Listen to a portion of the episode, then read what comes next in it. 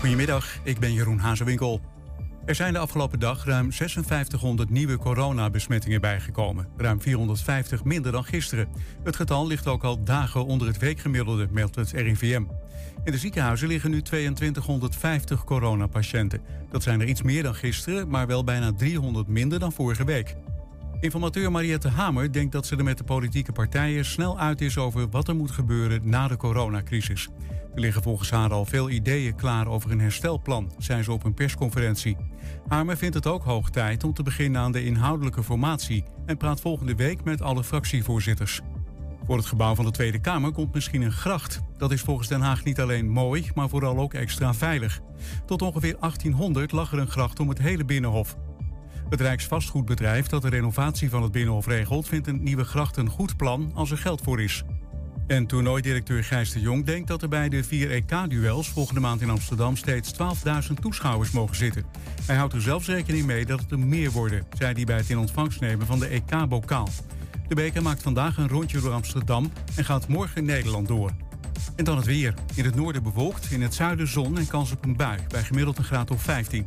In het weekend vaak buien, ook een beetje zon en ook dan maar 14 of 15 graden.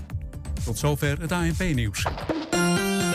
Waar kan ik een APK laten uitvoeren en meteen een onderhoudsbeurt van mijn auto laten doen? Ik ga altijd naar eh, de Gebroeders van der Mei uit Enschede. Vakmanschap, passie en echte service zijn kernwaarden van Gebroeders van der Mei. Of het nu gaat om eh, APK-keuringen, reparaties, bandenopslag, totaalonderhoud, deuken verwijderen of een nieuwe trekhaak, zij regelen het voor je. Gebroeders van der Mei vind je aan de Lonnekerbrugstraat 80 in Enschede. Thema beveiliging staat voor betrokkenheid, adequate optreden en betrouwbaarheid. Waar de concurrent stopt, gaat thema beveiliging net een stap verder. Thema beveiliging levert alle vormen van beveiliging voor zowel de zakelijke als de particuliere markt. Thema beveiliging, de beveiligingsorganisatie van het Oosten. Telefoon 053 4800 560 of stuur uw e-mail naar info@themabeveiliging.nl. 120. Weet wat er speelt in Twente. Iedere dag praten we hierbij over alles wat er in Twente gebeurt. Via radio, tv en online. 120. Een stiefcoach in Twente. Zometeen weet je precies waar dat over gaat. We nemen afscheid van een voetballer en een stadsdichter. Edwin Plokker, je weet wel van In Depot en de Museumfabriek, is bij ons, want hij heeft een eigen fanclub opgericht voor zichzelf. We hebben live muziek van Marije Bruinsma en Bart Petersween. Die sluit de week af met zijn wekelijkse column. Het is vrijdag 14 mei, 120 vandaag. Hallo. Morgen is het 15 mei. 28 jaar geleden riepen de Verenigde Naties, uh, Naties die datum uit tot Internationale Dag van het Gezin. Ik had daar eigenlijk nog nooit van gehoord. Jij wel? Nee, ja. zeg maar helemaal niks. Geen idee. Maar het gezin, wat is dat eigenlijk? Uh, Hengeloze stiefcoach Leonie Kappert maakt zich sterk voor de wat minder standaard gevallen, laten we maar zeggen. Als enige in Twente. Uh, welkom Leonie, aan tafel bij ons. Uh, jij bent stiefcoach. Ik ben stiefcoach. Echt? Inderdaad. Nog nooit ja. van gehoord. Wat, wat ja. is een stiefcoach? Een stiefcoach die begeleidt samengestelde gezinnen.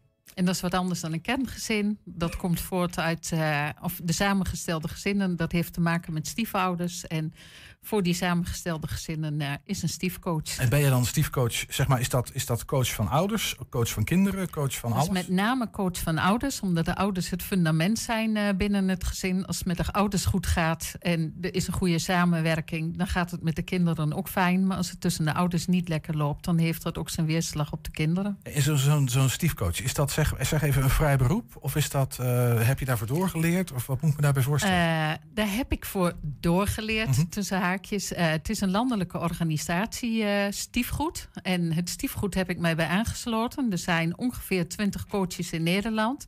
En daarvan ben ik de enige in Twente. En jij bent in heel Twente één stiefcoach? In heel Twente is één stiefcoach en, van en, het stiefgoed. En waarom, waarom precies een stiefcoach? En ik kan me toch voorbeelden, dit zijn nou ja, vraagstukken in die ja. samengestelde gezinnen die natuurlijk niet nieuw zijn, kan ik me ja. voorstellen. Ja.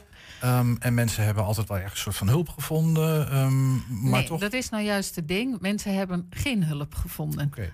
Uh, juist Waar merk je dat aan, dat mensen geen, geen hulp hebben gevonden? Uh, nou, als ze uiteindelijk bij mij terechtkomen, dan is dat juist omdat omdat ze ja, niet daar konden vinden waar ze het eigenlijk wilden vinden. Ik hoef me naar mezelf te kijken, want iedere stiefcoach is ervaringsdeskundig. Ook wij hebben onze issues gehad. En ja, we konden er- eigenlijk nergens terecht. Totdat we uiteindelijk eh, het stiefgoed vonden. En ja, dat was met drie keer eh, waren wij klaar. Serieus, oké. Serieus, Ja, dus dan, Ja. En met wat voor vragen komen mensen dan bij? Hè? Ik bedoel, kan ons er iets bij voorstellen, maar wat, wat, wat zijn nou even, nou noem even de top drie vragen of Ja, zo. de top drie vragen is nou, met name dat mensen heel moe zijn. Dat ze op punt zijn, eh, staan om toch weer uit elkaar te gaan. En, eh, ja, en dat dingen niet goed lopen, toch met de kinderen. En dan heeft het vaak te maken omdat je allebei in een ander gezin bent opgevoed. Er heerst een andere cultuur. En dat wil dan wel eens gaan botsen. Wat botst er dan? Wat er dan botst eh, in de communicatie, het begrip. We hebben het ook vaak over boven de waterlijn, onder de waterlijn. Boven de waterlijn, dat zijn vaak de dingen waarin mensen ruzie gaan maken met elkaar, boos zijn. Maar onder de waterlijn zit nou juist datgene waardoor dat komt. Dat je je onbegrepen voelt of ongezien voelt. Noem eens een concreet voorbeeld. Waar, waar- waar- ik probeer hem even, want ik, ik snap dat, hè, maar ik denk Ja. nog steeds... Nou ja, dat is altijd zo bij psychologische vraagstukken, zou ik maar even Ja. zeggen. Ja. Eh, noem eens een, een typisch stiefvoorbeeld, zou ik maar even zeggen. Een typisch stiefvoorbeeld is, eh, nou, ik hoef maar te kijken eh, naar het laatste koppel wat bij mij binnenstapte. dat de vrouw dood en doodmoe was. eh, en eigenlijk op het punt stond om te zeggen van, nou, ik gooi de handdoek in de ring. Omdat ze zich onbegrepen voelde door de partner. En de partner die had zelf geen kinderen. Dat denk ik een typisch huwelijksprobleem. Nee. Wat, wat, wat, wat is hier Nee. stief aan? Waarom Nee. voelden ze zich onbegrepen? Waar zat hem dat? Eh, omdat eh, hij weet niet precies, omdat hij zelf geen kinderen had in, de, in deze situatie dan, maar hij wist niet exact ja, hoe dat nou zat met bloedband, die dus eigenlijk onvoorwaardelijk is, en toch een stiefband die voorwaardelijk is. En dat botst dan met elkaar. Wat botst er? Gewoon even, ik probeer me een concreet voorbeeld. Hè, probeer me concreet voor te stellen wat er dan in zo'n stiefgezin ehm, anders misgaat dan in gewone gezinnen. Want ik bedoel, ouders hebben altijd wel meningsverschillen waarschijnlijk over opvoeding en over wel of niet begrijpen. En, en moeders die misschien iets gevoeliger zijn voor een dochter die een bepaald Ja. probleem heeft en Ja. een vader die er tegenin gaat. Dan ga ik even terug naar de dynamieken eh, daarin. Eh, niet- probeer niet te ingewikkeld, hè? maar ja. gewoon even zo'n typisch stiefvoorbeeld. Ja, dat eh, nou, bijvoorbeeld de stiefouder zich buitengesloten voelt binnen het gezin, het kerngezin. Ja, op die manier. Dus een soort, Maar- een soort natuurlijke band tussen de natuurlijke ouder en dat kind. Ja, En dan zo'n stiefouder die Ja. eigenlijk niet goed weet hoe die daarbij aan moet Ja. raken. exact. Ja, en zich een beetje buitengesloten. Ja, ja. Ja, daar kan ik Of dat een ouder zich eh, in een spagaat voelt staan. eh enerzijds het bedienen van de nieuwe partner en anderzijds je eigen kinderen hebben. Ja, voor wie ga ik nu kiezen? Mhm. Hey, en en ehm, ik, ik, ik herken het wel een klein beetje. Hè. Ja. Ik ben ook ervaringsdeskundige, maar dan geen coach. Ik zou het niet durven. maar dat hele idee van dan moet je ineens iets met kinderen die helemaal niet van jou zijn. Ja, Die misschien op een andere manier op, op, opgevoed zijn. Ja. Of, of dan dat precies. ja, Dus dat soort vraagstukken, dat is typisch. Oké. Ja. ja. Hey, en en ehm, vroeg me ook af, eh, in die afgelopen periode, is natuurlijk een lockdown, gezinnen weer meer bij elkaar. Zie je nou een soort ook, nou ja, is, leidt dat ook tot een toename aan stiefproblemen, zou ik maar even zeggen? Eh, nou, ik kan er zelf weinig over zeggen. Want ik ben sinds oktober vorig jaar ben ik dus begonnen hier in Oh. Twente. En toen zaten, Dus toen zaten wij al al in de lockdown. ja. Ja. precies. Oké, dus dat weet je niet. Nee. Hey, maar maar dan, ja, dan vraag ik het zo. Eh, Ja. eh, ja, je hebt een praktijk geopend, kan ik me voorstellen. Loopt het goed? Het loopt goed, ja. Ja jammer inderdaad. maar, ja. En eh, nou ja, even terugkomend op je vorige vraag. Wat wel opvallend was, is dat na kerst en oud en nieuw... dat er toen meerdere aanmeldingen kwamen. Ja, dan zijn mensen ook meer thuis. Dus ja, wellicht dat het toch van invloed is. Ik kan het me heel goed voorstellen. Hey, en, eh, heb jij een soort van ehm, een, een lijstje met gouden tips? Stel dat mensen in een stiefsituatie terechtkomen. Wat zijn dan de eerste twee dingen waarvan let daarop en let in ieder geval daarop? Doe dat wel, doe dat niet. Ja, die heb ik. Eh, dan ga ik heel gauw even spieken. Want ik ken ze niet allemaal uit mijn hoofd. Maar we hebben het in ieder geval over eh, heel belangrijk, toch het fundament wat ik net even zei. Dat je altijd voor ogen houdt dat het tussen jullie tweeën eh, oké moet zijn. Dus dat je naast elkaar staat als ouder zijnde, stiefouder zijnde. En van daaruit dus, ja, zeg maar, de kinderen bedient. Dat is een hele belangrijke. Wat verder een belangrijker is, is dat je toch ook ja, ex-familie noemen we het dan maar even, dat je die insluit. Dat wil zeggen, eh, opa's en oma's die eigenlijk van de ex zijn. Dat die toch belangrijk zijn voor de kinderen. En dat je dat ja, voor ogen houdt. Dat je die meeneemt daarin. En een hele belangrijke is dat eh, de voorwaardelijke en de onvoorwaardelijke liefde. Dat je daar heel erg bewust van bent. Ja, ik, ik hoor twee dingen waarvan ik denk dat is volgens geldt voor elk gezin. Ja, dat je samen het met elkaar moet doen, zeg maar even. Dat Ja. fundament, hè, dat Ja. geldt volgens mij altijd. En onvoorwaardelijke liefde lijkt Ja. me ook evident. Ja. Dat is volgens mij per definitie. Lijkt me dat een goed plan. Ja, maar ik bedoel daar eigenlijk weer te zeggen, als het je stiefkinderen zijn, dan is dat allemaal niet zo onvoorwaardelijk. is dan is dat veel meer voorwaardelijk. Morgen is de dag van het gezin. Ja. Eh, ziet dat er bij jou anders uit dan andere dagen? Of eh, vroeg me gewoon even. Ik had er echt ook nog nooit van gehoord, dag van het gezin. Ja, het is Wereldfamiliedag. Eh, zo noemen we dat bij ons. Maar het ziet er bij ons niet anders uit dan op andere dagen. Nee, niet even toch een klein vlaggetje niet. op een. Eh, eh, nee, oké, Nee. dat niet. Nee. Hey, en waar kunnen mensen eh, met vragen die dit nou horen of zien en denken van jeetje, nou ik herken, ik, ik loop best wel vast en ik weet niet goed waar ik hulp moet vinden. Ja. Waar kunnen ze je vinden? Stiefgoed.nl en dan locatie Hengelo. Stiefgoed.nl. Stiefgoed.nl, locatie, Locatie Hengelo. Hengelo. En ze mogen altijd bellen. Leonie Kappert was dat. Ja. Eh, bedankt voor je komst naar de studio en eh, nou, succes. Dankjewel. Ja. Oké. Zometeen schuift Marije Bruinsma aan. Ze schrijft liedjes over vrouw zijn en feminisme. Maar eerst, nu de play-offs uit zicht zijn, is FC Twente bezig aan de laatste week van het seizoen. Voor Joël Drommel betekent het ook zijn laatste week bij FC Twente. Want na de zomer speelt hij voor PSV. Met welk gevoel gaat hij Twente verlaten? We vroegen hem dat deze week. Wel even een kleine disclaimer. Dit interview is opgenomen voor de wedstrijd tegen RKC van gisteren. Je laatste week met Twente ingegaan. Brengt dat een bepaald gevoel met zich mee? Ja, wel een speciaal moment natuurlijk. Want ja, het is je laatste week en eh, nog twee wedstrijden hebben te gaan. En dan eh, ja, sluit het boek hier af. Ja. Dus eh, ja, het is wel bijzonder. Ik heb hier zeven jaar gezeten. Dus ja, het is wel bijzonder, ja. Met welk gevoel doe jij dan de deur hier straks achter je dicht? Met een glimlach. Ja, van alles meegemaakt hier. Maar vooral de laatste jaren natuurlijk heel positief hier allemaal. Ik ben bij Nederland zelf al geweest. Allemaal mooie momenten, ook in de keukenkampioen-divisie. Dus eh, ja, we hebben nog twee wedstrijden en dan eh, ja, ga ik met een glimlach hier weg. Ja, je hebt wat uitersten meegemaakt in je jaren hier, denk ja, ik. van alles wat. Ja, dus, eh, dus mentaal zit het wel goed. Gedegradeerd, gepromoveerd.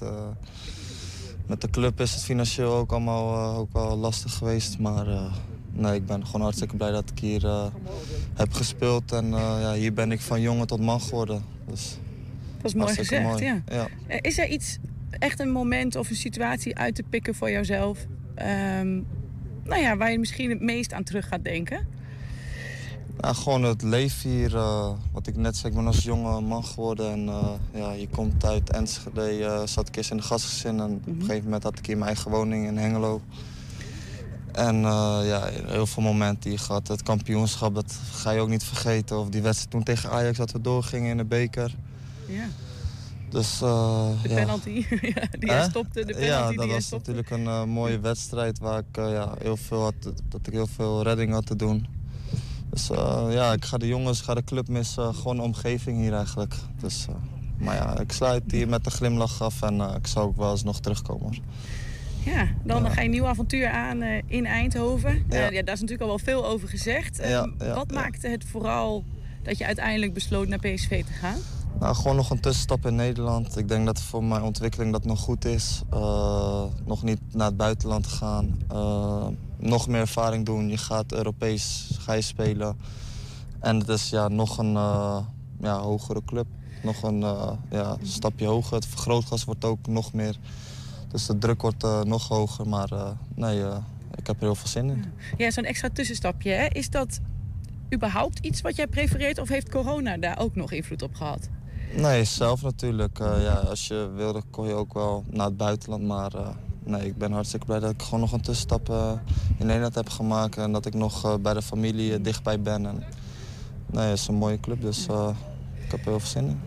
Als hij het althans blijft, dan moet je de strijd aan gaan met Mvogo. Ja. ja, hoe kijk je daar naar uit? Nou, de, uiteindelijk de beste keeper stelt hij op. Dus ik moet gewoon maar, maar heel hard mijn best doen. En alles begint gewoon weer op nul. En eh, ja, dan eh, gaan we de strijd aan. Als jij als trainer, ehm, ja, je kan maar één keeper een plekje geven. Waarom Waarom zou jij als trainer voor jou kiezen ten opzichte van hem? Nou, dat is een lastige vraag, maar uh, ja, je, je, vindt je natuurlijk zelf altijd uh, ja, beter. Uh, en je wilt altijd spelen. En ja, uiteindelijk heeft de trainer moeten de keuze maken. En ik moet gewoon laten gelden en laten zien, elke dag op de trainingen en straks in de voorbereiding. En wat ik net zei, de beste speelt. Dus hij moet op een gegeven moment de keuze maken. Ja. Um... Oenestal maakte de omgekeerde weg. Twente anticipeerde al, ze wisten dat jij zou gaan. Vind je dat een goede keeper voor Twente eigenlijk? Ja, zeker een goede keeper. Uh, hij komt ook, wat ik hoor, hier uit de buurt. Dus uh, nee, ik denk dat Twente daar een goede keuze eh, heeft gemaakt. Vooral ook omdat hij transfervrij is. En uh, hij heeft het ook laten zien met PSV en bij VV. Dus nee, een goede besluit van Twente wel. Voordat jij uh, naar PSV gaat, wordt natuurlijk nog een EK gespeeld deze zomer. Ja. Ja, je hebt er één keer bij gezeten dit seizoen. Maar ik schat hem niet heel groot in. Nee, waarom nee. niet? Nou, je, voor, anders zou je misschien bij de, vorige, bij de vorige keer bij zitten. En er zijn ook andere goede keepers, dus ja. Ik denk dat ik misschien bij de voorselectie terechtkom, maar... Uh, Oké. Ja, we gaan het gewoon meemaken. Ja, dat is deze week. Is dat dan iets uh, toch wel spannend? Want ja, ja is dat nog niet de definitieve selectie, maar ja, bij nee, de je neemt, het, je neemt het wel even mee. Zeker ja. weten, maar ja. Weet je, als ik er niet bij zit is het geen schande natuurlijk. Nee. Uh, dan ga ik lekker op vakantie en dan begin ik straks met een goede voorbereiding bij PSV. Heeft het nog wel invloed op je vakantie? Omdat ehm, ze mogen nog weer een nieuwe speler oproepen als iemand voor de eerste wedstrijd geblesseerd raakt. Zo zou je, blijf je dan een beetje een soort van stand-by in je hoofd? Of... Ja, dat, dat, je hebt denk, denk ik een stand-by keeper dan. Die uh, wordt uitgekozen. Dus er gaan denk ik drie mee en een stand-by keeper. Dus ja, als ik dat ben, dan zou ik daar rekening mee moeten houden. Ja. Hebben zij nog, nadat jij de vorige keer uh, mee bent geweest of geselecteerd was... heb jij toen daarna nog veel contact onderhouden met uh, ja, de staf van Oranje? Nee, eigenlijk helemaal niet. Nee. Okay. Nee. Nee. Nee, want dus niet, bijvoorbeeld hè, de vorige keer kiest hij dan opeens voor Stekelenburg. Uh, krijg je dan niet even te horen van nee, dit keer ben heb... ik niet geworden en dit is de reden? Of? Nee, ik heb eigenlijk niks te horen gekregen of wat dan ook. Nee. Zoals er gezegd is dit interview eerder opgenomen. Het ging hier al over een eventuele EK-selectie. Vandaag maakte bondscoach Frank de Boer zijn voorselectie bekend. Joël stond daar niet tussen helaas. Ja, dat is ook balen voor hem. Straks de laatste dag als stadsdichter van Enschede is aangebroken voor Jos Eertink. Dat zometeen maar eerst... Marije Bruinsma uit Hengelo die begint behoorlijk beroemd te worden inmiddels. Uh, via TikTok. Haar account trekt 17.500 volgers. Heeft inmiddels 350.000 likes. Wekelijks plaatst ze een uh, cabaretesk liedje over vrouw zijn en feminisme uh, daar online op TikTok. Vandaag komt haar eerste nummer uit. We gaan zo met haar praten. Maar eerst even een van die video's op TikTok. Ik heb al maanden geen seks gehad. Ik heb geen lover, geen daddy, geen schat. Ben al maanden alleen, want sinds het uitgaan verdween, werd de keuze in mannen toch wat minder. Dus sinds vandaag zit ik op Tinder. Waarom heeft iedereen vissen vast? Zelfs die hele knappe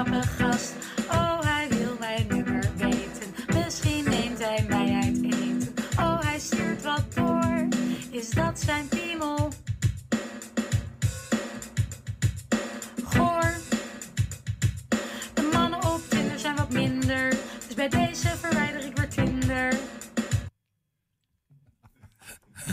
Hey, Marije, ja, dit is natuurlijk, ik, kom, ik ontkom er niet aan. Is dit autobiografisch? Um, of? Ja.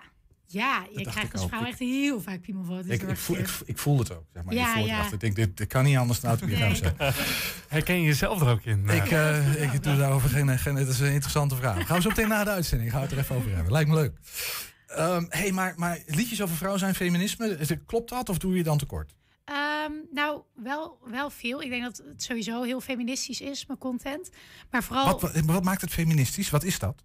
Ja, ik denk dat dat komt doordat ik zelf gewoon vrouw ben. En ik heel veel heb meegemaakt waarin... Um, nou, ik woon nu niet meer in Twente trouwens, maar ik woonde heel lang in Twente. En het viel me op dat heel veel mannen in Twente altijd door mij heen praten. Uh, dat is minder geworden sinds ik daar niet meer woon, trouwens. Dit klinkt als een soort boodschap van... Uh... Laat me uitpraten, nee. Maar um, ik heb gewoon als vrouw heel veel dingen meegemaakt. En daar schrijf ik mijn liedjes over. Dus het gaat over, over mijzelf. Maar er zijn wel veel dingen waarin ik me aan erger uh, in de wereld. En daar schrijf ik toch het liefst over. Want ja, dat gaat mij aan en dat vind ik interessant. Dus het is niet per se dat het bewust is dat ik dan denk, goh, eh, laat ik nou alles extreem feministisch maken. Maar het is meer dat ik vanuit mezelf schrijf en dat eh, veel vrouwen dat ook herkennen. Ja, precies. Je hebt niet de feministische agenda, zou ik maar even zeggen. Van er moet een boodschap de wereld in. Nee. Maar je schrijft vanuit jezelf en dat maakt het Ja, feminien, feministisch. ja, En sowieso autobiografisch. ja, precies. En, en, en, en nou weet ik toevallig, we gaan zo meteen nog naar wat liedjes van je luisteren. Ja. Maar dan gaat er ook weer eentje over seks in ieder geval. Ja. Gaat het veel over seks? Ja, ja, er gaat best veel over seks. Ja, nou ja, dat klopt. Ook niet zo gek hoor. Als, als mannen eerlijk zouden zijn, zouden ze ook veel meer over seks schrijven. Ja, het moet ook Eh, gewoon kunnen, toch? Ik doe heel veel liedjes gaan over seks. En vooral van mannen en mannelijke rappers die rappen alleen maar vrouwenvriendelijke dingen over seks. Dus waarom zou ik dat dan niet mogen doen? Alleen dan eh, vrouwvriendelijk. Ja, precies. Hey, en eh, nou doe jij, eh, ik, ik heb me even cabaretzang. ehm, eh, dat is kennelijk jouw uitingsvorm. En dan nu TikTok. Ja. Ehm, waar komt dat vandaan, cabaret en zang? Ehm, nou, ik heb eerst een eh, muziekopleiding gedaan, want ik dacht altijd ik moet voor een groot publiek staan op een podium. Daar Waar kwam dat ik, vandaan, die gedachte? Van, groot publiek. Ja, ik dacht dat gewoon. Ik ging altijd in de keuken voor mijn ouders optreden. En toen dacht ik, dit is te klein. Ik moet meer mensen hebben die naar me kijken. Dus ging ik muziek doen. En ik dacht, dan word ik een popster. Alleen ehm, toen werd ik van die muziekopleiding afgezet.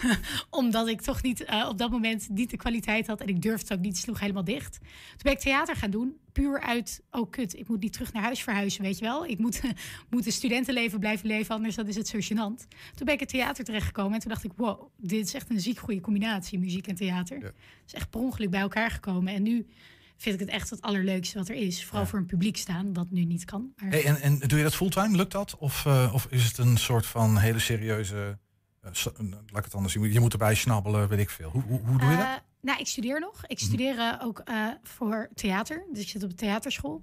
Dus ehm, op zich krijg ik nu gewoon studie. Dus die kom ik wel rond. En je kan nu niet echt spelen overal. Maar het is wel mijn doel natuurlijk dat dit gewoon mijn werk wordt. En eh, dat ik daar mijn geld mee verdien. Snap ik. Hey, en TikTok, dat is een eh corona-dingetje geworden? Of to- toevallig? Ik bedoel, je moest ergens een podium vinden en TikTok... eh, Ja. ja, en dat is hard gegaan. Hoe, lang, hoe lang zit je op TikTok nu? Hoe lang doe je dit soort dingen? Een hal, iets, ja, half jaar denk ik. Een half jaar, zoiets. En ja, ik had dat gewoon uit verveling gedownload. En ik een liedje opgezet die ik eh, in een voorstelling eh, gebruikt had. Die had ik opgedeeld in drie liedjes. Maar de eerste ging al viral. Toen dacht ik, oh, kijk. De hier eerste ging ik, viral, ja. meteen? De eerste? Ja, de eerste, ja. Oké, dus, Dus- dat totaal onverwacht, kan ik Ja. me voorstellen. Als je en- kijkt naar jouw volgers, hè, eh, heb je een beetje een beeld van wat voor mensen dat zijn? Ja, dat kun je ook zien. Eh, vooral vrouwen. Ik geloof ehm 85% vrouwen zijn het. En ook best wel veel hele, hele jonge kinderen. Die dan allemaal naar mijn seksliedjes luisteren. Maar dat is goed. Dat is goed. Dan eh, worden ze daar ook mee opgevoed. Hè? Daar moet ook gewoon over gepraat kunnen worden. Als die ouders het laten afweten, dan Ja, dat maar doen. ja, precies. Ja, snap ik. Maar het zijn, ja, er zijn ook wel veel mensen die dan wat ouder zijn. Wat meer van mijn leeftijd. Maar goed, TikTok heeft natuurlijk heel veel eh, ja, jonge, jonge kinderen erop. Ik ga dan ook wel eens dansjes maken op liedjes. Dat ik denk, ik weet niet of jullie helemaal snappen waar het over gaat. Maar, oh god, ja. ja. Ja, ze doen de dansjes gewoon na Ja. waarschijnlijk hoor. Ja. Ja, Ja, ja, het ik-. Eh, krijg je ook al verzoeken eigenlijk van mensen die zeggen... Wijn, kun je niet hier een liedje over maken? Dit is iets wat er heel erg eh, ja. speelt. Ja? ja, heel veel verzoeken krijg ik. Eh, dat is wel leuk. Soms is het heel goed om, eh, hou ik het ook bij om voor inspiratie. En soms is het ook wel lastig, want het is natuurlijk wel. eh, ik moet elke week een eh, liedje maken. Dat vraagt al best Ja. wel veel. Dus het moet wel iets zijn waarvan ik denk: oh ja, dit is wel echt. Maar wat, voor ligt. soort thema's sturen mensen in dan? Nou, soms ook wel echt eh, wat heftige dingen, zoals bijvoorbeeld huiselijk geweld en zulke soort dingen. En dan denk ik, daar zou ik op zich wel iets over kunnen maken, maar ik weet daar toch te weinig af. Ik durf me daar niet helemaal aan te wagen om dan zoiets eh, op te pakken. Dan denk ik dat ik me daar eerst echt in moet verdiepen. Eh, maar ook veel hele luchtige dingen, zoals planten verzorgen. Die heb ik toevallig laatst gemaakt. Dus soms, eh, soms voer ik het ook uit. Dan denk ik, oh ja, dit is wel grappig. Ja, cool. Hey, en vandaag eh, een, een, een eerste nummer echt uitgebracht. Ja. Zal ik maar zeggen, niet TikTok, maar gewoon serieus, officieel. Ja. Ik neem aan op alle bekende kanalen. Ja, eh, alleen er zit, er zit een vertraging in, want er is iets misgegaan. Hij staat wel eh, ook op Spotify en op iTunes. Alleen de demo is daarop gekomen in plaats van het nummer. Dus dat is echt, daar moest ik echt een beetje om huilen vanochtend. Ik hoorde het en ik dacht, nee. Dus als het goed is, staat er eh, binnen twee of drie dagen gewoon op zoals hij erop moet staan. Eigenlijk nog heel even geduld Ja. hebben. Nog twee, drie dagen Ja. geduld en dan kijken. Het nummer heet eh, Ogen op mij. Hè? Je gaat Ja. het zo meteen ook doen. Waar gaat het over? Eh, het is in opdracht van het Stedelijk Museum Alkmaar. En eh, daar moest, werd gevraagd wat ik voor nou ja, gedachten kreeg bij de kunst van de collectie daar. En er hingen eigenlijk alleen maar mannen. Eh, en als er vrouwen waren, dan waren ze naakt. Dus toen dacht ik, nou, weet je wat, ik ga een nummer maken gewoon om eh, duidelijk te maken dat wij vrouwen er ook gewoon zijn. En dat wij evenveel recht hebben om in de geschiedenis te staan en om gezien te worden. Dus heb ik dan een videoclip bij gemaakt. Daar hebben we die kunstwerken ook nagedaan, maar dan vanuit het eh, vrouwelijke perspectief. En de tekst is gewoon een beetje gebaseerd op eigenlijk rappers die altijd aan het flexen zijn met hoe cool ze zijn. Dacht ik, dan ga ik flexen met hoe cool vrouwen eigenlijk zijn. En dat wij ook gewoon het recht hebben om er te zijn en gezien te worden. Inclusief videoclip dus. En die videoclip die, die staat nu wel online al. Want ik, ik ben wel, eh, super nieuwsgierig hoe jullie dat hebben gedaan. Dat is een klassiek probleem hè, in musea. Of een klassieke aanklacht zou je kunnen zeggen. Klopt. Van het zijn allemaal mannen en dan allemaal vrouwelijk bloot. En vrouwelijke kunstenaars zie je er nauwelijks. Ja, Ja, ja. dat is bizar. Hey, en de volgende stap, album? Ja, dat wil ik heel graag. Dat staat zeker op de planning. Ehm, moet even kijken. Ik ben al wel bezig met iemand om het op te nemen, maar het is allemaal nog wel eh, rustig. Zeg maar, het is niet dat er heel erg veel haast achter zit. Ik heb gewoon besloten dat ik dit jaar daarvoor neem, dus dan heb ik nog wel eventjes. Ja, want hoe lang ben je nog mee aan het, eh, aan het studeren? Met je opleiding bezig? Ehm, anderhalf jaar. Volgens de planning. Ja, dan zeggen ja. er altijd natuurlijk even bij. Hè, als Ja. mensen het studeren zijn. hey, dankjewel. Ik ben heel benieuwd. We gaan zo meteen luisteren naar eh, Ogen dankjewel. op mij. Ehm, nou, dankjewel voor nu. Zie je zo meteen terug. Tot zo. Morgenavond kiest een clubje wijze en belezen dames en heren een nieuwe stadsdichter. Eén van hen is de huidige stadsdichter. Hè, een van die belezen dames en heren. Die daarmee dus eh, zijn eigen ondergang tekent. Als het goed is schuift hij zo meteen aan. Is dat nou een hondenbaan of juist hartstikke leuk stadsdichter zijn? Ik zou het eigenlijk nog niet zo goed weten. Maar goed, daarom vragen we het ook aan eh, Jos Eertink. Ben jij zo meteen een beetje zitten. van het dichten? Want eh kijk, schrijven dat is bekend. Sta je, eh, zal ik nog sterker vertellen dat Jos is een soort van collega van mij. Ik zit bij dezelfde dichtersclub als dat hij zit. en ik heb al verschillende keren de vraag gehad: word jij geen stadsdichter? Ik denk, nou, ik weet niet hoor. Dus er zit ook, hier, er zit- ik heb hier een dubbele agenda. Snap Ja, jij bent van hele lange gedichten, of Ik niet? ben, een, ik ben een poëet. Nee, ik kan ook wel heel kort hoor. Oh. Ja, Evert. Ja. Eh, Misschien de volgende keer. eh, ik wil een gedichtje voor je nemen. Ik beloof je dat als je de volgende week vrijdag bent, eh, draag ik jou een gedichtje voor. Nou, ik zal even de agenda erbij pakken zo. Inmiddels hebben wij ons aangeschoven. Jos Eertink, welkom. Hallo. Fijn dat je bent, Jos. Hey, twee jaar stadsdichterschap. Het zit er bijna op. Ja, nog, nog iets meer zelfs, hè? Ja, het is, ja, klopt. Je hebt verlenging, je, hebt ja. verlenging gekregen. Nee, het zit, het zit er nu echt bijna op. Een ja. coronaverlenging. Ja, nog een paar uurtjes. Dan ja, het- oh, ja, blessuretijd. ja, een dag, zeg je? Blessuretijd, nee. een soort van blessure. Ja, ja. Oké, dan voel ik het antwoord op de volgende vraag volgens mij al. Van, is, is, ben je nou blij dat het afgelopen is? Of denk je van stiekem toch een beetje tarsenknal of knak, eh, tandenknarsend? Van, oh nee, ik moet mijn plekje afstaan aan de volgende. Nou, nee, het, het is goed, ge- goed geweest nu. Maar eh, ja, blij klinkt ook zo gek. Ik, eh, ik zat toevallig, of nou niet toevallig, want het is morgen. Ik zat echt vandaag zo terug te, ik was vrij eh, terug te kijken. En dan zie je gewoon vooral dat je ja, heel veel hebt gedaan. Heel veel verschillende dingen. eh, mooie samenwerkingen. Dus je ja, toch een beetje met weemoed terugkijken. En, eh, maar het is goed dat het morgen opvolging komt. Het is een goede termijn, die eh, termijn van twee jaar. Ja, Niet te lang, niet te kort. Goed. Nee, hij is, hij is echt precies goed. Zoals voor Eh, zwangerschap, negen maanden, dan ben je er klaar mee. Dan is het ja, nou, exact. De, Ja. de, de- ja, de twee jaar, eh, de, de zwangerschap voor een dichter. Ja. ja, zoiets. En je, je had het al over mooie samenwerking, dat soort dingen. Ja. Wat, wat, wat, wat is nou iets dat je echt meeneemt uit die twee jaar? Waar je denkt, joh, volgens mij als ik straks 98 ben en mijn kleinkinderen op schoot ga- of achterkleinkinderen, dan is, is dat wat ik ze nog altijd ga vertellen. Ja, ja, dat zijn toch van die dingetjes. eh, je, je ontmoet de, burg, de burgemeester een paar keer, weet je wel. dat je journalist worden? Ja, ja, ja, nee, precies. ja. Nee, maar dat- zijn leuke dingen. En voor, en voor de rest, eh, ja, ehm, die verscheidenheid, weet je. je. Je komt op heel veel plekken die, je die je normaal niet ziet. Ehm, ja, achter- je, bent, je bent echt Enschede, hè, toch? Ja, ik ben hier geboren, eh, niet getogen. Ook eh, in Hengelo gewoond en, en Almelo, maar echt een tukker, ja. Van, vanaf eh, welke leeftijd? Nou ja, maakt het niet zoveel uit. Maar betekent dat nou, want je bent stadsdichter geweest, Ja. dat je ehm, nu anders naar je stad kijkt dan dat je dat twee jaar geleden deed? Ja, ja, ja, ja, heel erg. Ehm, of heel erg. Je, veel dingen weet je wel, maar je bent er bew- bewust mee bezig. Dus met al die, al die kanten. Het, eh, ja, vooral ook gedichten. ehm, soms dicht je over een thema, maar af en toe ook over, over plekken. En vooral dat laatste, weet je. je, je ik, ik ben er, ja, daar kom ik ook eh, gelijk weer op. De, de titel eigenlijk ook van, van mijn afscheidsbundel. Ehm, de getekende schone.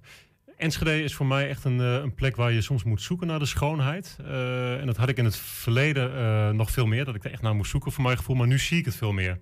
Dat je eigenlijk wel best wel omringd wordt door ja, mooie dingen hier in de stad. En hoe komt dat? Ja, ik weet niet. Misschien ook een beetje de, de inslag van... eh, ehm, ja, van eh, ik, ik ben een Enschedeër van de bevolking. Dat je ook moet leren om, om ja, je eigen stad op, op waarde te schatten. Eh, zelfs dingen als, als het industriële erfgoed hier. Dat, dat zijn mooie dingen, weet je. Dat, uniek. Want wat zijn dingen die jou nou de afgelopen twee jaar zijn opgevallen... waarvan je zegt, nou, dat vond ik toch heel mooi, eigenlijk totaal onverwacht? Ehm, ja, eens denken. we- Ja, eh, ja, wat Enschede heeft te bieden bijvoorbeeld aan, aan mooie monumenten, erfgoed en... eh, Ja, maar maak het dus concreet, ook voor mensen. Want ik bedoel, ehm, elke stad heeft natuurlijk heel nou, veel... Neem bijvoorbeeld die, als je de Haaksbergenstraat opfietst, dat, dat Jannik-complex, wat nu weer een mooie functie heeft. Ik ben daar als student zo vaak voorbij gefietst. En ik heb er eigenlijk toen nooit zo naar gekeken, weet je wel. Dus ja, dat is die pijp.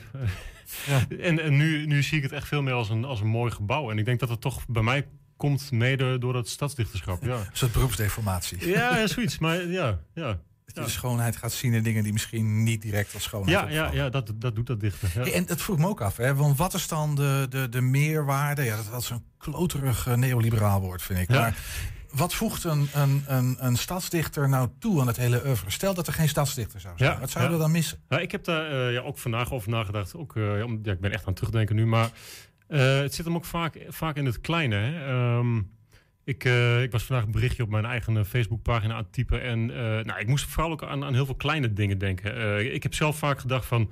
Bereik ik wel genoeg mensen? Maar dat, dat is, is niet eens altijd de vraag. Ik heb bijvoorbeeld een gedicht geschreven voor eh, een vrouw, mevrouw die eh, één huis verder woonde. die is overleden. En die heeft uh, hele leven in Enschede gewoond. En eh, die heeft zoveel meegemaakt. eh, oorlog meegemaakt. heel veel kanten van de stad gezien. En ik heb een gedicht over haar gemaakt. na haar overlijden. En dan merk je hoeveel dat wordt gewaardeerd door de familie. Maar van allerlei kanten hoorde ik dat in één keer terug. En dan merk je dat zo'n... wat, wat, maar wat maakt dat? En Ja. eh, heel even, deed je dat Ja. als stadsdichter of gewoon als Nee, als buurman, stadsdichter. zeg maar? Heeft- heeft- Nee, eh, heeft was in gestaan. het de hele, precies. ja. En, en, maar wat maakt dat dan? Dat zo'n gedicht eh, kennelijk... Je had ook een bloemetje, bloemstukje kunnen sturen, weet ik veel. Er zijn natuurlijk heel veel manieren om mensen... Je kan de diepte in. Je kan, eh, je kan meer de diepte in. Je kan op, eh, en dat is het mooie van gedichten, je kunt in lagen werken. Dus op, op, op de eerste laag zet je eh, zo'n mevrouw dan herkenbaar neer. En in de, in de diepte ja, maak je er ook een gedicht van over de stad. Want iemand die zo lang in de stad woont, die is ook de stad. Dus ja. Ja, het is mooi, het is mooi gezegd, volgens mij is het waar. Hey, en, en ja, nu, nu zit het erop, eh, Ja, Jos. ja. Eh, blijf je dichten? Of, of denk Nee, je ik, van... ik, kap, ik kap er gelijk mee. Nee, ik blijf, ik, ik, ik blijf zeker stiekem ja. het antwoord op ik blijf, ik blijf zeker dichter. Ja, hey, maar maak je zorgen over, over de toekomst? Want ja, Jos, Jos Eertink is het niet meer en dan? Nou, ik blijf, ik blijf wel, maar nee, Nee, ik, maar ik bedoel, zeker niet. Ik, ik weet dat, dat is inmiddels ook oud en niet open. Ik weet dat er goede genomineerden zijn. Zijn voor, eh, eh, eh, Dick Slutter, Bram Geerlings en Wendy Wessels. Ja, drie, drie sterke namen. Heel afwisselend, maar drie goede dichters. Ehm, dus er gaat hoe dan ook een goede opvolger komen. Dat, dat is een geruststelling. Nou, is morgen gaan zij Ja. in, in, in de Kleine Willem, maar Ja. dat is natuurlijk besloten. Er mag verder niemand bij. Nee, klein clubje, ja. Ik, ik mag er toevallig wel bij, maar dat is leuk. Hey, maar, maar klein clubje. En. Maar jij, jij zit in de jury? Ja, Waar klopt. ga je op letten morgen? Wat was voor jou het Ehm, allerbelangrijkste? Ja, nou weet je, eh, dat weet ik ook nog van, eh, van mijn eigen verkiezing. Ehm, kijk, je hebt natuurlijk al eh, voorwerk, wat de jury heeft gedaan op de avond, avond dat de echte ver- verkiezing plaatsvindt. Maar dan ga je vooral letten op de voordracht. En dat kan echt de doorslag geven. Dus het is, het is niet zo dat het al uitgemaakte zaak is. Ehm, je moet kunnen voordragen. Dus ja. Voordracht. Hey, nog heel even, ik wil nog even naar je boekje, want dat ligt daar voor, eh, voor Ja, je. ja. Ik, ik, is jou gevraagd om iets voor te dragen? Bedoel, Ja, eh, ja, dat eh, is mij gevraagd, ja. Oké, nou laten we het dan zo doen. Dan, eh, dit is het boekje waar, dat het is jouw, nou ja, jouw bundel, dus de, de van twee jaar, zou ik maar even Ja, zeggen. klopt. Waar kunnen mensen dat kopen? Bij jou bestellen? Eh, Een boekhandel? Eh, je kunt naar de webshop gaan van, van Broekhuis. En dat ligt ook eh, ja, in, de, eh, in de winkel zelf in Enschede. Dus ja. Bij Broekhuis halen. Wat kost het? Eh 12,50, ja. Wil jij het gedicht dat jou is gevraagd voor Ja, te dragen ondertussen opzoeken? En dan sluiten we gewoon daarmee af, Jos. En dan zeg ik nog even doei strakjes. Ja, prima. En, en morgenavond trouwens eh, vanaf 8 uur uh, wilmingtheaters.nl slash stadsdicht. Oh ja, dat kan natuurlijk live. De Iedereen kan het live volgen. Hoe laat zeg je? Eh 8 uur, 8 uur s avonds. 8 uur, wilmingtheater.nl. Ja. Gaaf, gaan we doen. hey, dit is jouw het meest memorabele gedicht. Ja, het is eh, eigenlijk het, eh, het gedicht ook eh, waarmee ik heb afgesloten. En nog één keer vertel ik daarin hoe ik Enschede zie. Getekende schone. Soms klapt ze om. De getekende schone. Geschakeld decor vanaf mijn geboorte. Dan is het uitzicht beklemmend zo ver. En drempels verzameld, verjaren, vervliegen. Is alles bereikbaar? De wereld een kaart, een punt om te prikken, in leegte te zinken. Te vullen met plannen, stranden die wachten, metropolen die lonken, droomstof bezonken. En soms staat ze op, vanuit mijn gedachten. Een lach achter glas, verrassing van steen. Ze hangt om mij heen, gebonden aan grond.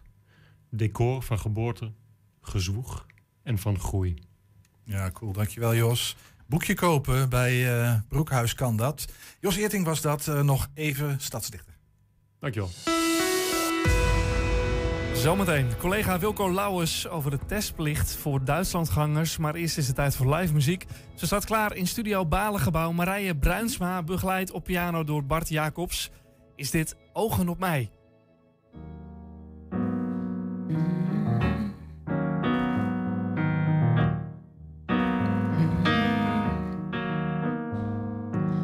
Gepresenteerd als sekssymbool, daarna beschaamd voor de rol. Breek mezelf uit de structuur en draag mijn vrijheid als oud cultuur. Geen gezamenlijke rekening. Ik kom, ik zie, ik overwin. Ik spreek in dringende ondertoon. Ik doe hetzelfde werk, geeft mij hetzelfde loon. Niet in de geschiedenis opgeslagen betekent niet dat we niet hebben bijgedragen. Ons stem gestolen, maar nooit verdwenen. We zijn hier om onze plek te. Dus ogen op mij, pak die eerste rij. Laat je zien hoe het moet, de female gay staat mij goed. Dus ogen op mij, pak die eerste rij. Laat je zien hoe het moet, want alles wat jij doet kan ik doen terwijl ik bloed.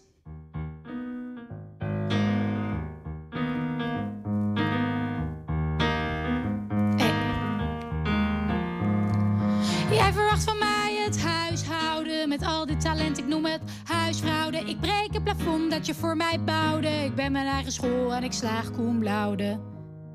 Dus noem me hysterisch of gestoord.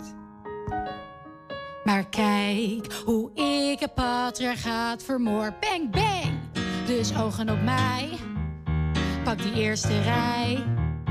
Laat je zien hoe het moet. De female gaze staat mij goed. Dus ogen op mij. Pak die eerste rij.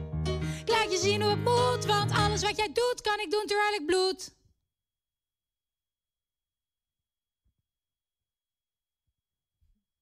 Dat was eh, live bij ons hier in eh, de studio. Marije Bruinsma, ze komt straks nog even terug om er nog een liedje hier te gaan spelen. Yes, zometeen de nieuwe fanclub van de semi-beroemde Tukker. Of een semi-beroemde Tukker, moet ik er niet de Tukker, hè, moet niet overdrijven. Sinds dinsdag 6 april ehm, is het voor iedereen eh, die Duitsland over wil verplicht om een negatieve coronatest te overleggen. Ehm, als je dat niet doet, dan riskeer je een boete. Maar hoe hoog is die boete eigenlijk en hoe goed wordt er gecontroleerd? Collega Wilco Lauwers die probeert het al een week of vijf te achterhalen hoe het nou precies zit. Eh, Wilco is aangeschoven. We zijn de draad een beetje krij- eh, kwijt, Wilco. Ehm, mogen we nou die grens over? Mogen we het niet? Eh, wat mag wel? Wat? Geen idee. Ja, ja, dan even terug naar vijf weken geleden was natuurlijk totale onduidelijkheid. Hè? De Duitsers die komen met een testplicht, omdat in Nederland meer dan 200 nieuwe besmettingen of positieve testen, om het zo te zeggen, per week per 100.000 inwoners zijn. Nou, daar hebben ze zo'n eh, eh, reisadvies voor, zeg maar. En dan is vanaf die 200 dan geldt ehm, ehm, in Nederland dan, hè, dan geldt dat je als je naar Duitsland gaat, dan moet je een testplicht doen. Ehm, dus dat betekent dat je een negatieve coronatest moet overhandigen. En inmiddels is een vaccinatiebewijs eh, ook voldoende. Of dat je de laatste drie maanden corona hebt gehad en je kunt het aantonen. Ja, en het werd 6 eh, april ingevoerd. En eigenlijk vanaf de eerste dag, eh, als je vroeg van ja, maar wat als je het niet doet? Hè? Want dat is toch als journalist eh, stel ik altijd die vraag van eh, wat Nou, als, als... als Nederlander ook wel. Ja, ja, Van nou ja, maar dat- grens opzoeken, hoe ver kunnen we gaan? Precies, precies. En ik vind, je moet ook altijd daar kritisch op zijn. Van wat, wat gebeurt er dan eigenlijk? En eh, waarom is dit? En nou ja, daar kreeg ik geen antwoord op. En ik heb eigenlijk, ik ben de laatste week van kastje aan de muur gestuurd van de deelstaatregering van Noord-Rijn-Westfalen en Neder-Saxen naar de Bundespolizei, naar de eh, hè, de, de regio-overheden. en dan uiteindelijk deze week aanbeland bij eh, de gemeente Gronau. Eigenlijk allemaal om voor ons helder te krijgen wat wij nou wel of niet mogen. Ja, dat dat is op zich ook wel een geruststelling dat ook in Duitsland het wel redelijk bureaucratisch is. Dat we niet het enige land zijn. Ja, ja nou, op zich was het wel, wel duidelijk wat je wel en niet mag. Hè. Je mag dus, eh, tuurlijk, je mag de grens over. Hè. We, we leven nog altijd in een Schengenzone en er zijn geen grenscontroles. Dus je mag de grens over. Ehm, dat mag ook als je boodschappen wil doen of eh, gaat tanken. Het advies is om het niet te doen, maar het is niet verboden.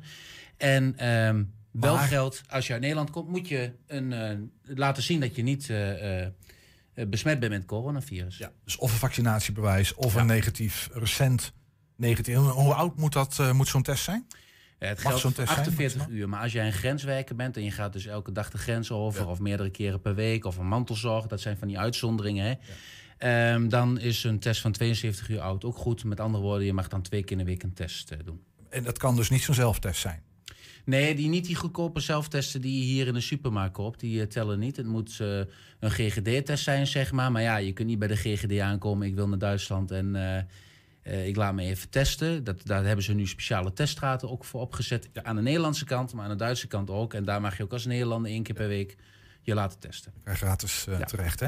Hey, en, en, en heb jij enig idee hoeveel boetes er inmiddels zijn uitgedeeld... voor mensen die eh, zeggen van het is goed met die test... ik ga gewoon boodschapjes doen en tanken in Duitsland? Ja, ja en nee. Ja en nee. Eh, Dat is weer zo ingewikkeld. Ja, maar je bent er zo eh, lang op aan het doorvragen. Hè? En, en je krijgt dan de, de, de regering verwijst naar de politie. De politie verwijst naar weer een andere regering. En uiteindelijk bij de draad kijkt. Maar de gemeente Gronau is verantwoordelijk voor deze administratieve boetes. Want dat zijn het. Het zijn geen grote boetes, het zijn geen misdrijven. Het is als je hem, Hoe hoog eh, is een boete dan? Als jij zegt geen grote boetes? nou, de eerste, de eerste keer eh, dan is het eh, 82 euro. Kan, hè? Ze willen je ook wel eens met een waarschuwing eh, Snap wegsturen. ik. Maar als je echt een boete krijgt, dan is dan dat is 82 euro.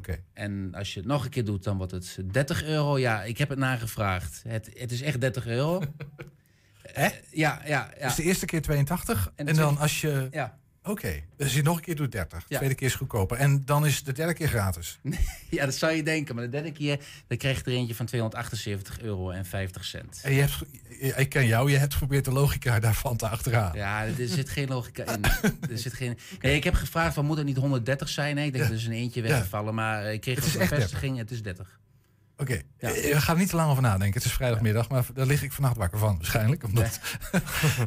hey, even en hoe, hoe lang blijft dit nog? eh, Sorry, eh, Evert, jou wat vraag. Ga je gang. Nee, ik zat, ik zat er gewoon even hard op te, te redeneren van...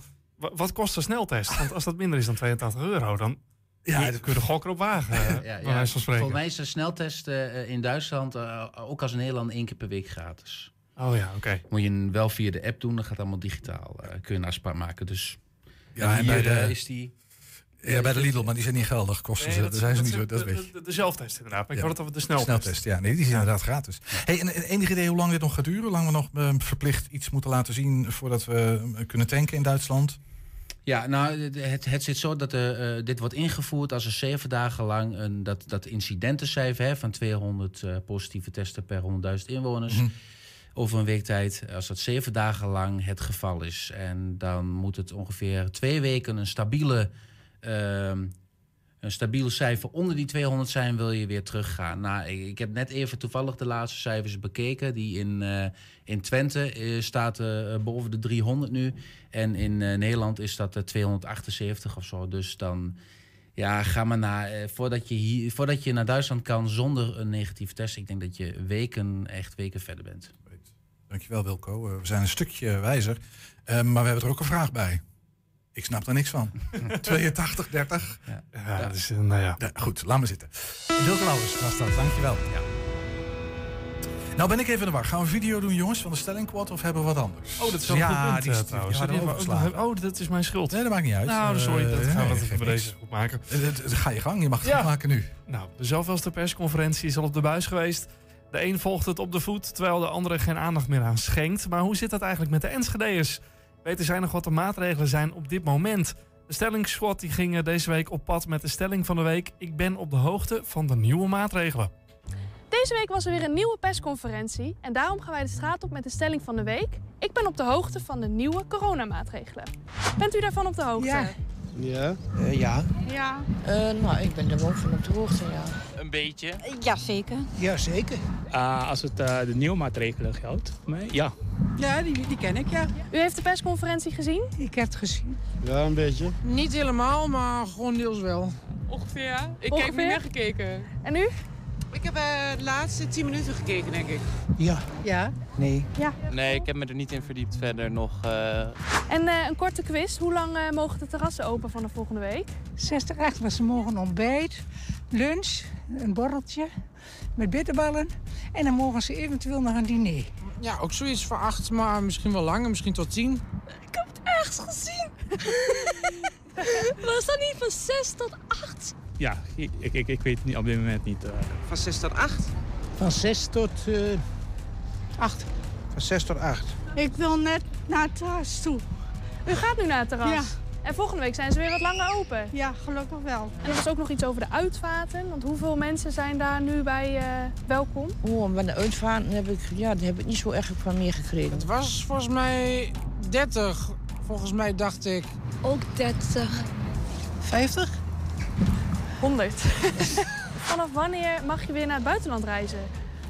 Dat zou eh, vandaag bekend zijn op een of andere site waar eh, allerlei eh, landen op staan waar je naartoe kon. Oranje, geel, rood, ik weet allemaal niet wat. Ja, dat waren met kleurcodes, wordt dat nu gedaan. Was het nou ehm, 21 mei? Wat denk jij? Ik heb geen idee. Het zal wel eh, begin juni zijn of zo. Nee, ja, 15 mei. Nou, valt mee 15 mei, toch? Ja. Ja, de, de, hoofdcollectiebeheer Rijksmuseum Twente en de Museumfabriek.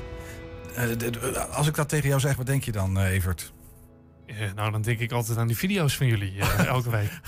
Schatje ben je er ook. Ik had gedacht, dat is heel stoffig en flauw. En Hoezo? is, eh, nou, hoofdcollectiebeheer dat is toch niet het meest sexy beroep op Oh, aarde? zo, op je die manier. Nee, nee, maar de eerste associatie is eh, wat jullie... eh, ik ik ja, zie jou weer staan eh, tussen, Ja. tussen de oude troep. Ja, dat,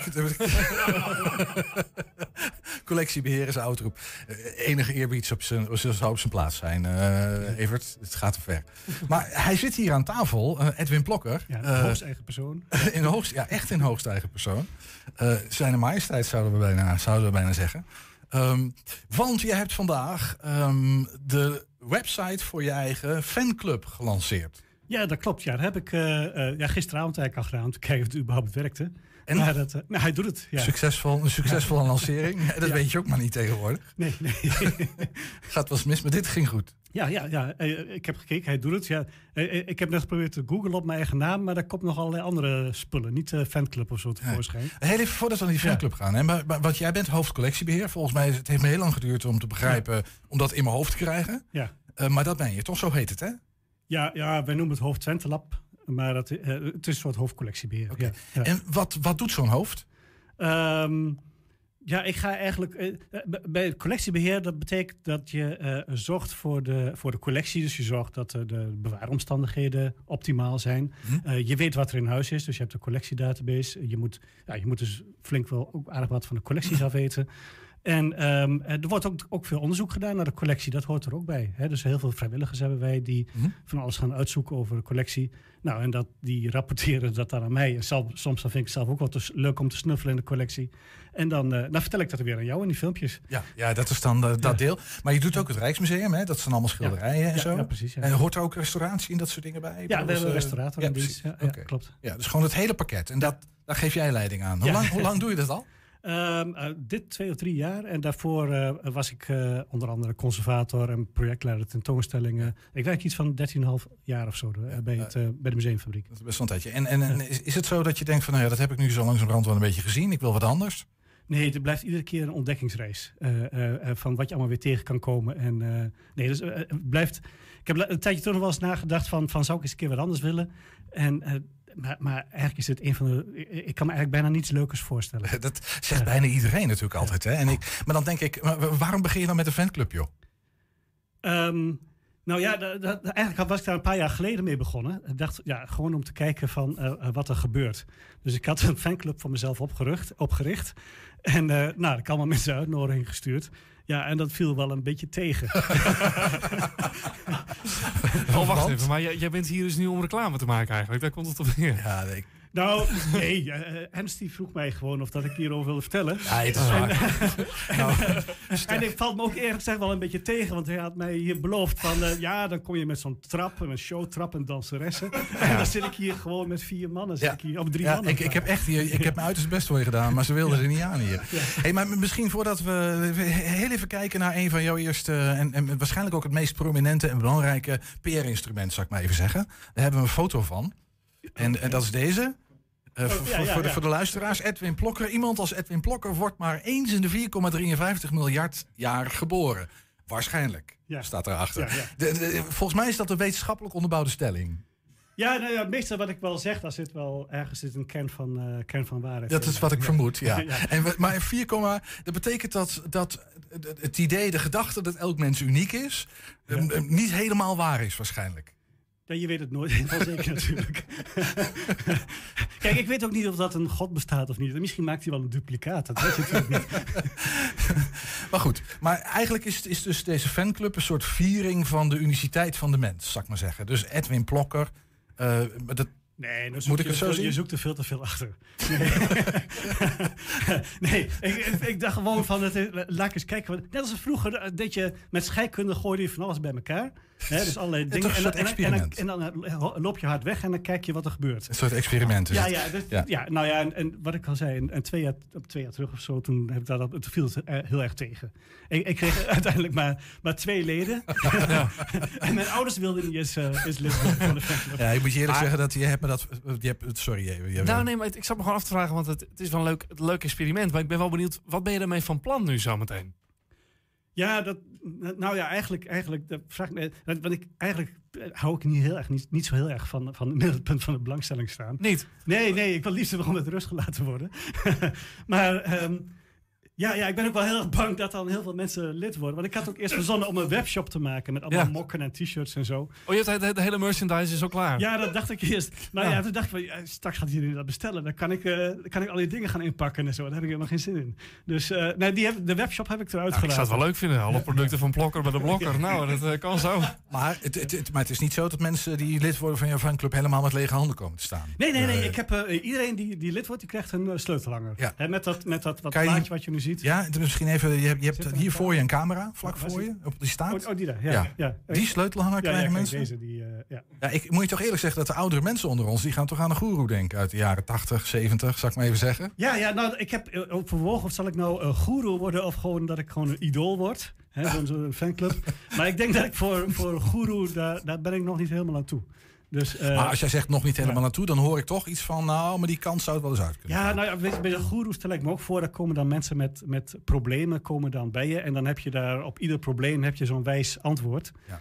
En ehm, ja, die schud ik nog niet zo uit mijn mouw. Hè? Dus dat je, eh, dat je mensen ook met zo'n kluitje in een riet, riet met een ingewikkeld antwoord kan wegsturen. Zo. Ernst, begrijp ik nou dat jij ook lid bent van eh, de fanclub? Ja, dat was mijn eerste. Dat is, eh, toen Edwin vertelde over die, want het is waar hoor. Toen Edwin Ja. vertelde over die vorige mislukte poging, vond ik dat zo triest. Welk lidnummer heb jij? Hè? Welk lidnummer heb jij? Ik heb geen lidnummer, maar ik denk nummer één. Nee, nee, want die eerste, wat, die eerste twee... Die, die, Oh, die zijn nog steeds lid? Ja, dat vind ik... Je kan geen lid af worden. Dus, dus dat heb ik niet voor. Dus, dus ik denk, die waren van de vorige poging. Wacht dat zijn dat, de dat heb je er toch niet bij gezet. Dus ik zit voor de rest van mijn bestaan vast aan, aan deze fanclub. Ja. Dat had ik eh, niet helemaal ingecalculeerd, maar dat is fijn om te weten. Hey, en je ouders? Ja, nou, die, die weten nog niet dat ik nu, nu poging doe. Dus, dat, eh, dus eh, ik, ik zal ze dit, dit filmpje doorsturen. En, en de websiteadres. En dan, ja, misschien dat ze nu wel lid willen worden. Dan. Ja, ja, dat, geen idee. Hey, nou, nou eh, eh, want ik, de, de website is in de lucht, hè? En Ja. er staat één, staat alvast één liedje op. En ik moet zeggen, dat is best, ja, dan kun je wel zien dat, dat je een uniek mens bent, zal ik maar even zeggen. Zoals we dat Ja. natuurlijk allemaal zijn. Maar Ja, misschien ja. is het leuk om heel even dat filmpje nog te kijken. Oké, ja. Of een stukje. Het is een liedje dat jij zelf geschreven hebt, hè? Laten we ons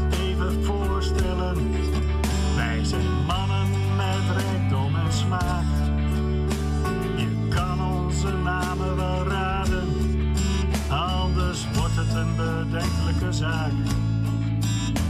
Wij zijn twee intergalactische ruimtereizigers en komen met de snelheid van het licht. Komen uit een wormgat, minderen de vaart. Ons doel is in zicht. Harriet, Harriet, kom met ons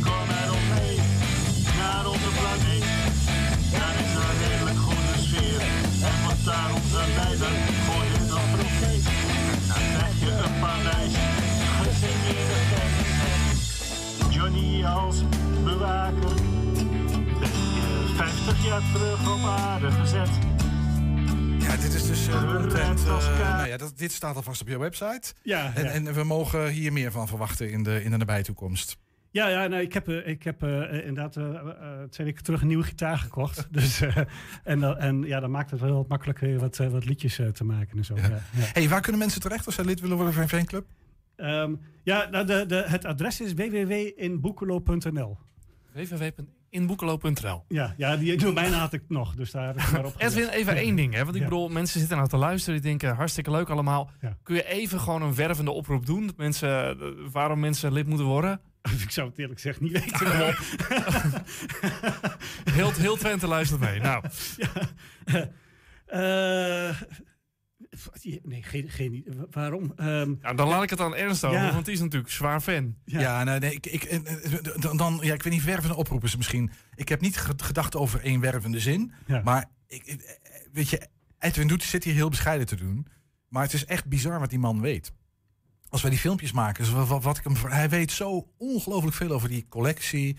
Alles wat daar zit. En, en dat weet hij ook nog. En dat vind ik dan ook knap. hè. Er zijn meer mensen die veel weten. Maar op het moment dat je een vraag stelt, ja, dan heb je geen idee wat ze nou eigenlijk precies zeggen. En bij Edwin snap je ook nog wat hij uitlegt. Eh, en dat vind ik bijzonder knap. Dus het, het is een man die veel erudieter is dan Dat deze zou krijg je allemaal cadeau als je lid wordt van de Edwin Vlokker fanclub op inboekelo.nl. Edwin, dankjewel.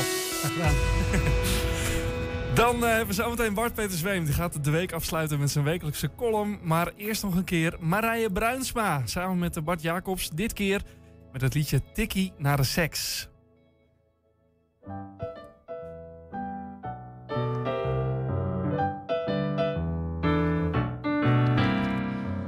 Dat je het niet raar vindt, stuur een naar de seks. Het is niets bijzonders, deed het ook naar mijn ex. Het zit namelijk zo, ik betaal al jaren voor de pil. Terwijl ik van ons tweeën niet de enige ben die geen kinderen wil. Ja, da da da da da da da da da da.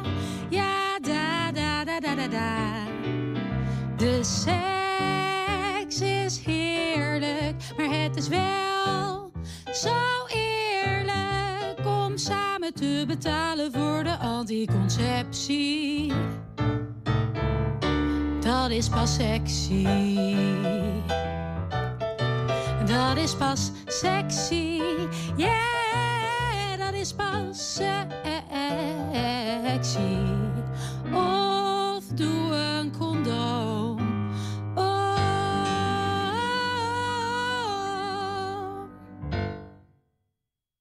Ja, Marije Bruinsma was dat met Tikkie na de seks.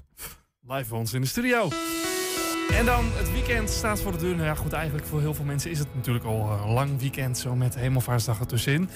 En vrijdagmiddag sluit hij altijd bij ons af. Bart Peter Zweem, welkom. Een goede middag. Hoe maakt u het? Goed, en u? nou, eh, leuk dat je het vraagt. Best wel goed eigenlijk. het, weer, het is een lekker weer. is dat je voor standaard riedeltje, of niet? ja, Nee, misschien wel. Weet niet. ik niet. Weet ik niet. Nee. Het is, eh, en Maar ik vind het ook leuk het vraagt trouwens. Ja, hoe is het met jou? Mij uitstekend ook eigenlijk. Het is hier fucking warm, dat is het enige nadeel. Ja. Maar voor de rest gaat het uitstekend. Ben jij al lid van de fanclub? Eh, ik, eh, wat ik altijd doe, is ik luister altijd. Op het moment dat ik hier, naar, hier naartoe ga, dan luister ik altijd een beetje wat er, wat er voor een onderwerp is. En ik kon eigenlijk totaal niet thuisbrengen wat het nou precies over ging. Dus ik heb een naam gehoord en een fanclub. Maar wat doet hij nou precies? Ik, ik, het was voor mij niet duidelijk. Ik Maar weet dat- het ook niet, maar als je lid wordt, dan wordt het duidelijk. Inboekelo.nl Ik dat, vind ik wel, dat vind ik wel een oproep. Ja, dat is een groot mysterie. Maar word lid en wie weet, het is een soort cult, denk ik. Ik bedoel, als Ernest er lid van is, dan moet het een cult zijn. Precies, nou dat, dat is ongeveer waar het, waar, het, waar, waar het op... Ik weet ook niet precies waar het over gaat. Wij gaan straks in een, in een, in een weiland met z'n allen in een soort, soort religieuze esoterische beleving. houding staan. Ja, het en is dan, een religieuze beleving. Nou. Nou, als we iemand waar we ook absoluut een fanclub voor op zouden moeten richten, Bart Peter Zweem. Laten we beginnen met eh, de afsluitende column van deze week. Nou, vooruit dan maar. Beste luisteraar, hoe was uw hemelvaartsdag? Fijn hoop ik. Mooi. Of ik nog ben wezen douwtrappen? Nou, nee. Sowieso is de lol in vergelijking met vroeger er een beetje vanaf. Sinds je constant wordt ingehaald door bejaarden op hun mega blubber powerfiets. Dat is levensgevaarlijk en ook nog heel erg slecht voor je ego. Daarnaast moet ik bekennen dat het bij mij eigenlijk ook nooit echt douwtrappen is geweest. Het was eerder lunch of borreltrappen. Tegen die tijd dat wij gingen fietsen was die dauw al lang verdampt. Ik ga sowieso ook niet liever fietsen als het nat is buiten. En gisteren ben ik daarom ook niet wezen fietsen, want er was regen voorspeld. Alleen is het de hele dag toch droog gebleven. Belachelijk, volstrekt onbetrouwbaar dat weer. Het lijkt wel de politiek. Hoewel, dat is niet helemaal waar, want soms kun je juist bij de politiek terecht voor het vertrouwde. Hoe het ook gaat met de wereld, bij de politiek kun je altijd lekker terecht voor ophef, onrecht, dingen die Rutte vergeten is, iets wat Rutte weglacht, lekker vertrouwd. Altijd wel een partij die zetels kwijtraakt doordat politici opstappen en hun zetel meenemen. 50 plus is al door zijn zetels heen. Gelukkig hebben we Forum voor Democratie nog. Die kan nog een boel zeteltjes wegspelen. En als straks Thierry alleen nog over is in die Kamer, dan hebben we wel nog een integriteitsschandaaltje bij de VVD of zoiets dergelijks. Over Forum, mocht u het gemist hebben, Forum voor Democratie had acht zetels in de Tweede Kamer en nu nog vijf. Er zijn drie Kamerleden met hun zetel tegelijk opgestapt. Oh ja, wie waren er afgevallen? Vast een paar onbekende, obscure namen. Mensen uit het groepje die we eigenlijk niet kennen. Nee hoor, het waren nummers 2, 3 en 4. Dus de mensen waarvoor Forum voor Democratie zelf zegt... dit zijn naast Thierry de beste mensen die we hebben. Nou, die mensen die zeggen doeg, we gaan er vandoor. Wat zegt dit eigenlijk over meneer Thierry? Hij had het ooit over de uil van Minerva, maar die uil is ook al lang weggevlogen hoor. Ik denk dat Thierry het nu moet doen met het kuiken van Katoren of zo. De lemming van Leugen of nee, de walrus van wijnen. Want wat blijkt, Thierry die had onlangs nog tot half vijf s'nachts een wijnproeverij en dat noemt hij werk. Natuurlijk, als dat in de politiek werk is, dan snap ik ook wel waarom Rutte zoveel vergeet. En na het hele debakel met de bevrijdingsposter heeft Thierry ook een heel stuk geschreven, mogelijk het wijntje op, met de strekking wij, dus Forum, zijn er voor de ophef. Oh, mijn fout. Ik dacht dat jullie er waren om het land in jullie ogen beter te maken. Maar nee, Forum voor Democratie is er voor de ophef. Gelukkig maar dat er een politieke partij is voor ophef. Want als Nederland iets nodig heeft, dan is het wel ophef. Man, ga toch fietsen. En dat is dus precies wat ik gisteren had willen doen. Waar het niet dat de regen was voorspeld. En eh, daarmee zijn we aan het einde gekomen van deze uitzending van 120 vandaag. Je kan eh, de uitzending terugkijken via 120.nl, via YouTube of vanavond op tv om 8 uur en om 10 uur. Fijn weekend en tot maandag. 120. Weet wat er speelt in Twente. Nu het ANP-nieuws. Goedemiddag, ik ben Jeroen Hazewinkel. Er zijn de afgelopen dag ruim 5600 nieuwe coronabesmettingen bijgekomen. Ruim 450 minder dan gisteren. Het getal ligt ook al dagen onder het weekgemiddelde, meldt het RIVM. In de ziekenhuizen liggen nu 2250 coronapatiënten. Dat zijn er iets meer dan gisteren.